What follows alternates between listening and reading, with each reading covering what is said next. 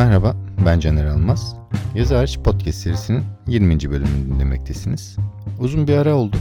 En son Kasım ayının başında sevgili Müge Koç'a konuk etmiştim. Yani bu ne demek oluyor? Yaklaşık 2 aydır, hatta 2 aydan biraz fazla bir süredir kayıt yapmamışım ve paylaşmamışım. Şimdi kaydı yaparken fark ediyorum ki özlemişim. Umarım sizler de yayınlarımı özlemişsinizdir. Bu bölümde sizlere nelerden bahsedeceğim onlara gelelim. 19 bölüm boyunca sizlere yazma çabam süresince yaşadıklarımı, kendimce önemli gördüğüm noktaları, yazma uğraşı içerisindekilerin dikkat etmesi gereken yerleri dilim döndüğünce ifade etmeye çalıştım. Bu bölümde istiyorum ki kendi adıma geçtiğimiz yıl neler yaptım, bir yıl dökümü yapayım. Belki sizler de bu bölüm vesilesiyle kendi dökümlerinizi yaparsınız. Gerçi bu bölüm yayınlandığında insanlar yeni yıla girmiş olduklarını çoktan unutmuş olacaklar muhtemelen. 2023'ü şimdiden eskitmişiz gibi hissediyorum. Bilmiyorum sizler de böyle düşünüyor musunuz? Yani halbuki yılbaşındaki eğlenceler, coşkular, kutlamalar, oynanan tombalalar henüz şurada dibimizde duruyor. Çok çabuk unutuyoruz galiba coşkularımızı. Coşkumuzu çok çabuk kaybediyoruz galiba. Ya bunda da memleketin bizi yorması, bizi buna zorlaması bir etken. Neyse biz konumuza dönelim. Çok fazla sapmayalım konudan.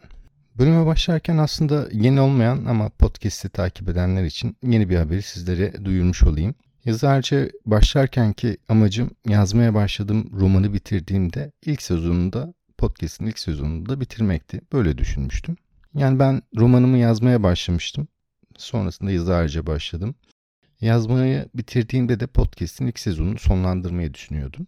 İkinci romanımın yazımını 27 Ekim itibariyle tamamlamış bulunuyorum. Bunu sizlerle paylaşayım. Kendi adıma mutluyum. Biraz sonra kısaca bahsedeceğim gibi verimli bir üretim dönemi geçirdiğimi düşünüyorum. Adını Duvarlar koydum dosyamın. Eğer bir aksilik olmazsa ikinci romanımın Üç Kuşak serisi adını verdiğim serinin ikinci romanının adı Duvarlar olacak. Umarım yayına hazırlık ve yayınlandıktan sonra da her şeyle herkesin benim de yayıncımın da ve nihai kararı verecek olan siz sevgili okurların da içine sinecek bir iş ortaya çıkmış olur. Gelelim yıl dökümüne. Yazı hariç içeri mahiyetinde çok kişisel bir işti zaten. Kendime ve yaptıklarıma dair kafanızı şişirdiğimi düşünüyorum bölümler boyunca. Sizleri çok sıkmamaya çalışarak detaylara girmeden, çok fazla detaya girmeden geçtiğimiz yılın kendi adıma bir özetini dökmek istiyorum. Bir iç dökümü olarak görebilirsiniz bu bölümü. Ocak ayıyla başlayalım. Geçen yılın Ocak ayında ağır iş yükü ve stres nedeniyle tam zamanlı çalıştığım işimden istifa ettim. Ay başında istifamı verdim ve Ocak ayını çalıştığım kurumdaki insanları neden işten ayrılmak istediğime, neden istifa ettiğime dair ikna süreciyle geçirdim. Sağ olsun onlar da işte kalmam konusundaki yoğun ısrarlığıyla beni ne kadar çok sevdiklerini hissettirdiler bana bu süreçte. Ama ben bazı kararlar alma gereksinimi hissetmiştim. Yani sağlığım bozuluyordu ve yapmak istediğim hiçbir şeyi yapamamaya başlamıştım. Mutsuz bir insana dönüşüyordum açıkçası. Çözüm olarak da kendime ve yapmak istediklerime e, zaman ayırmayı seçtim.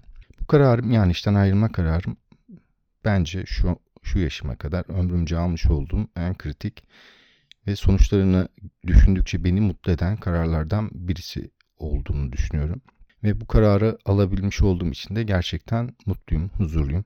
Bu süreçte de her daim yanında olan eşim Merve'ye de ne kadar teşekkür etsem az. Şubat ayında artık işsiz birisi olarak yazamadığım, çok yoğun ve stres dolu olduğum için yazamadığım, bir türlü başlayamadığım romanın çalışmalarına başladım. Aslında bu sürecin tetikleyicisi şöyle oldu bu süreç nasıl başladı diye düşündüğümde şunu gördüm. Pandemi süreci de dahil olmak üzere son iki seneyi sürekli işe giderek sürekli insanlar içinde olarak geçirdim. Bu iki sene içerisinde hasta olmadım, Covid'e yakalanmadım. Ama gelin görün ki işten ayrıldığımın haftasında Covid oldum, pozitif oldum. Evden de bu süre içerisinde çıkamayınca, çalıştım tam zamanlı bir işimde olmayınca hadi dedim Caner bu bir işaret. Araştırmalara başladım, yazmaya hazırlık sürecine giriştim. İşte bu süreç başladı böyle. Bu esnada Mart ayında ben bu hazırlık sürecindeyken araştırmalarımı, okumalarımı, izlemelerimi yaparken bir yandan podcast fikri oluştu bende. Mart ayında Türkiye Gazeteciler Sendikası ve Podfresh'in ortaklaşa düzenlediği atölyeye katıldım. Yaklaşık iki aylık bir eğitim sürecinin ardından da Mayıs ayında dinlemekte olduğunuz kayıtların ilkini yayınladım. Yani şimdi dönüp bakınca yani ilk kayıtlarımı dinleyince ne kadar heyecan dolu ve acemice kayıtlar yaptığımı görüyorum ki ben hala acemi olduğumu düşünüyorum bu işte. Ses tonumdan, sesin kalitesine, konunun bağlamından, heyecanla her şeyi birden anlatma çabama kadar dinledikçe hala gülüyorum. Eğlendiriyor beni ilk bölümlerim. Bu vesileyle de bu eğitimlerde tanıdığım güzel insanları selamlamış olayım. Türkiye Gazeteciler Sendikası Akademi ailesine ve Podfresh ekibine teşekkürlerimi tekrarlayayım. Üzerimde emekleri çoktur gerçekten. Bu hazırlık biraz önce bahsettiğim yazmaya çalıştığım romanın hazırlık süreci nihayetinde Nisan ayının 12'sinde yeni romanımı yazmaya başlamışım. Notlarım da bu şekilde yer alıyor. Demek ki Nisan Nisan'ın başında ilk cümlemi bulmuşum demek. O ilk cümleyi buldum anı da hatırlıyorum. Şöyle olmuştu. Podcast atölyesinden çıkmış Mecidiyeköy cehennemine doğru yürüyordum. Bilenler bilir. Metrobüs durağının hemen karşısında Rum Ortodoks mezarlığı yer alır. Onun yanında yürürken ev meselesi aklımı kurcalamaya başladı. Aitlik, ait olma ya da ait olamama kavramları üzerinden bir şeyler yazmaya niyetlenmiştim zaten roman için. Bu bağlam üzerinden de o mezarlığın yanından geçerken orada yatan insanları düşündükçe bu bağlam üzerinden bir açılış yapmam gerektiğini düşündüm. Nihayetinde karakterlerim Halil olsun, Aysel olsun, Füsun olsun, diğer karakterler olsun hepsinin bir yer yurt edinme kavgası vardı. Ve ilk cümlelerim orada Mecidiyeköy metrobüs durağına doğru giderken kendiliğinden doğuverdi. Şöyleydi ilk cümlelerim. Bundan bahsetmiştim bir bölümde. Evim neresi, evim neresi, evim neresi? Yaşamaklarda da, da bir duvar yazısı yardımcı olmuştu bana. Kaç rüyada uçamıyorum şeklinde bir yazıdan doğmuştu ilk cümlem. Yaşamaklar demişken geçtiğimiz sene Mart ayında e, romanım Vedat Türkali ilk roman ödülüne adaya gösterildi. Ödülü podcast'te de konuk ettiğim sevgili Gökçe Bilgin kazandı. Kendisini bu vesileyle bir kere daha kutlayayım. Kendi adıma ismimin, kitabımın Vedat Türkali adına verilen ödülle birlikte anılması büyük bir onur. Vedat Türkali ile adımın anılması büyük bir onur. Onun romanları benim için hep büyük romanlardı. Beni edebi olarak çok besleyen bir yazar Vedat Türkali. Bu nedenle kendi adıma bir övünç noktası olarak görüyorum bu aday gösterilme durumumu. Mayıs ayına gelelim. Dediğim gibi podcast'e başladık. Yazı hariç yayın hayatına başladı. Aynı ay Yaşamaklar ikinci baskısını gördü. Bu motivasyona ben daha bir hevesle yazmaya ve üretmeye başladım. Bir yandan podcast, bir yandan roman yazımı. Verimli bir süreç yönettiğimi düşünüyorum. Tabii bu noktada odak noktamı dağıtacak bir işim olmadığı için daha verimli çalıştığımı söyleyebiliyorum çok rahatlıkla. Bu noktaya gelmişken yazı hariçten bahsetmeye başlamışken podcast'in bir özetini e, geçeyim sizlere. Şimdiye kadar 19 bölüm yayınladım. Bölüm uzunluklarının toplam süresi 19 bölümün toplam süresi 509 dakika yani 8,5 saate yakın bir süre. Tabi bu sizin dinlediğiniz size ulaşan son hali. Ham hallerinin toplamı muhtemelen bir 15 saat kadar bu kayıtların toplamı. Bunun arkasındaki hazırlık, kayıt, düzenleme gibi diğer uğraşların sürelerini de düşünürsek ciddi bir zaman ayırdığımı söyleyebiliriz podcast için. Bu sürede 6 konuk ağırlamışım. Benim nazımın niyazını çeken sevgili dostlarıma, sevgili Arlin Çiçekçi'ye, sevgili Başak Baysallı'ya, Murat Çelik'e, Osman Palabıyık'a, Gökçe Bilgin ve sevgili Müge Koç'a çok çok teşekkür ediyorum. Her kayıtta, her söyleşide ayrı ayrı keyif aldığımı söylemek isterim. Umarım sizler de siz dinleyenler de bu duyguyu benimle bölüşmüşsünüzdür. Niyetim sonraki bölümlerde daha çok konu sizlerle buluşturmak olacak. Bunu söylemek istiyorum. Hazır istatistik, ufaktan istatistik vermeye başlamışken istatistiklerin gerçekten köpeği bir insan olarak Spotify istatistiklerini sizlere kısaca aktarayım. Podcast'i en çok dinleyen ülkeler Türkiye, Hollanda, Fransa, Gana ve İsviçre. Gana'daki edebiyat tutkunlarına buradan bir selam yollamayalım şimdi. Gerçekten gönlümde taht kurdular. Teşekkür ediyorum kendilerine.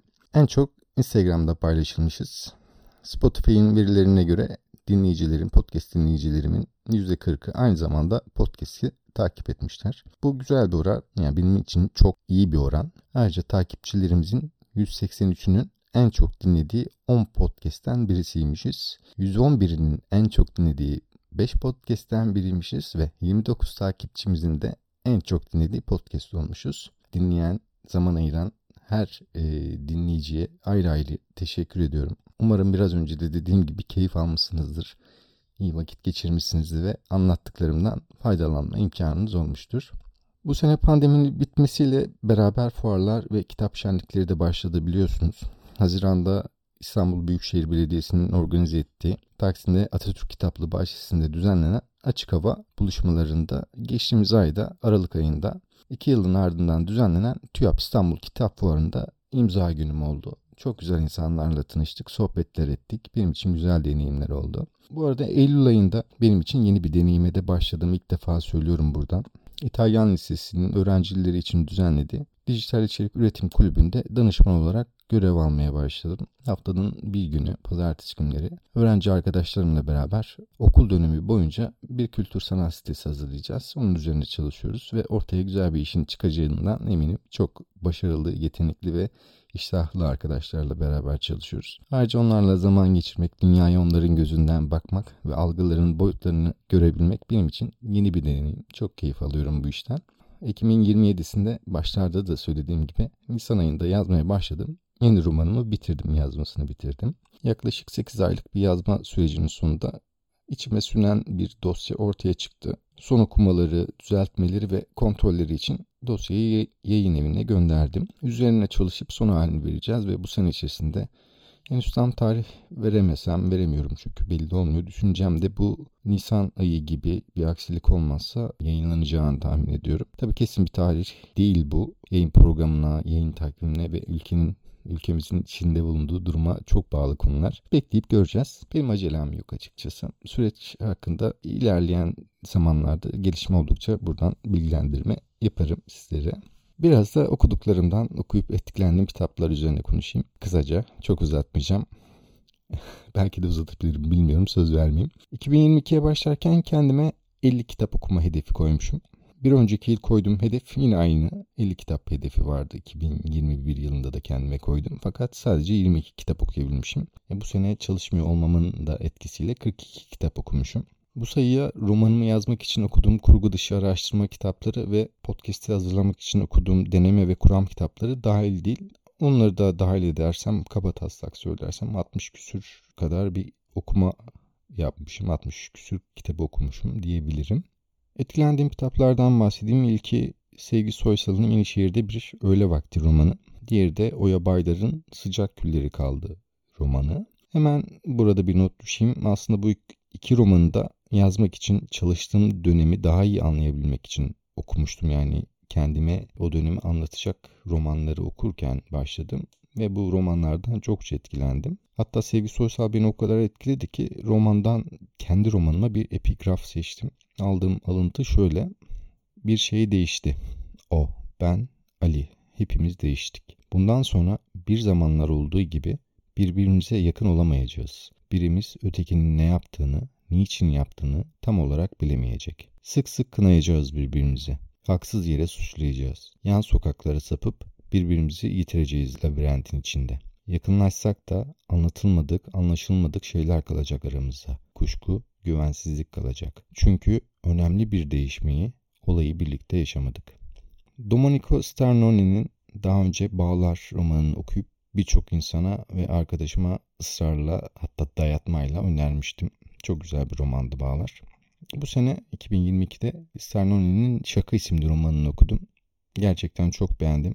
Bu kitabı da arkadaşlarıma, dostlarıma öneriyorum. Claire Keegan'ın uzun öyküsü Emanet Çocuk. Sevdiğim bir başka kitap. Uzun bir öykü, novella Emanet Çocuk. Kendisinin Mavi Tarlalarda Yürü öykü kitabını, 100 kitaptan çıkan öykü kitabını çok sevmiştim. Derim Koçak'ın Nergis Hanım hakkında bazı şeyler romanı bu sene bir ödül aldı.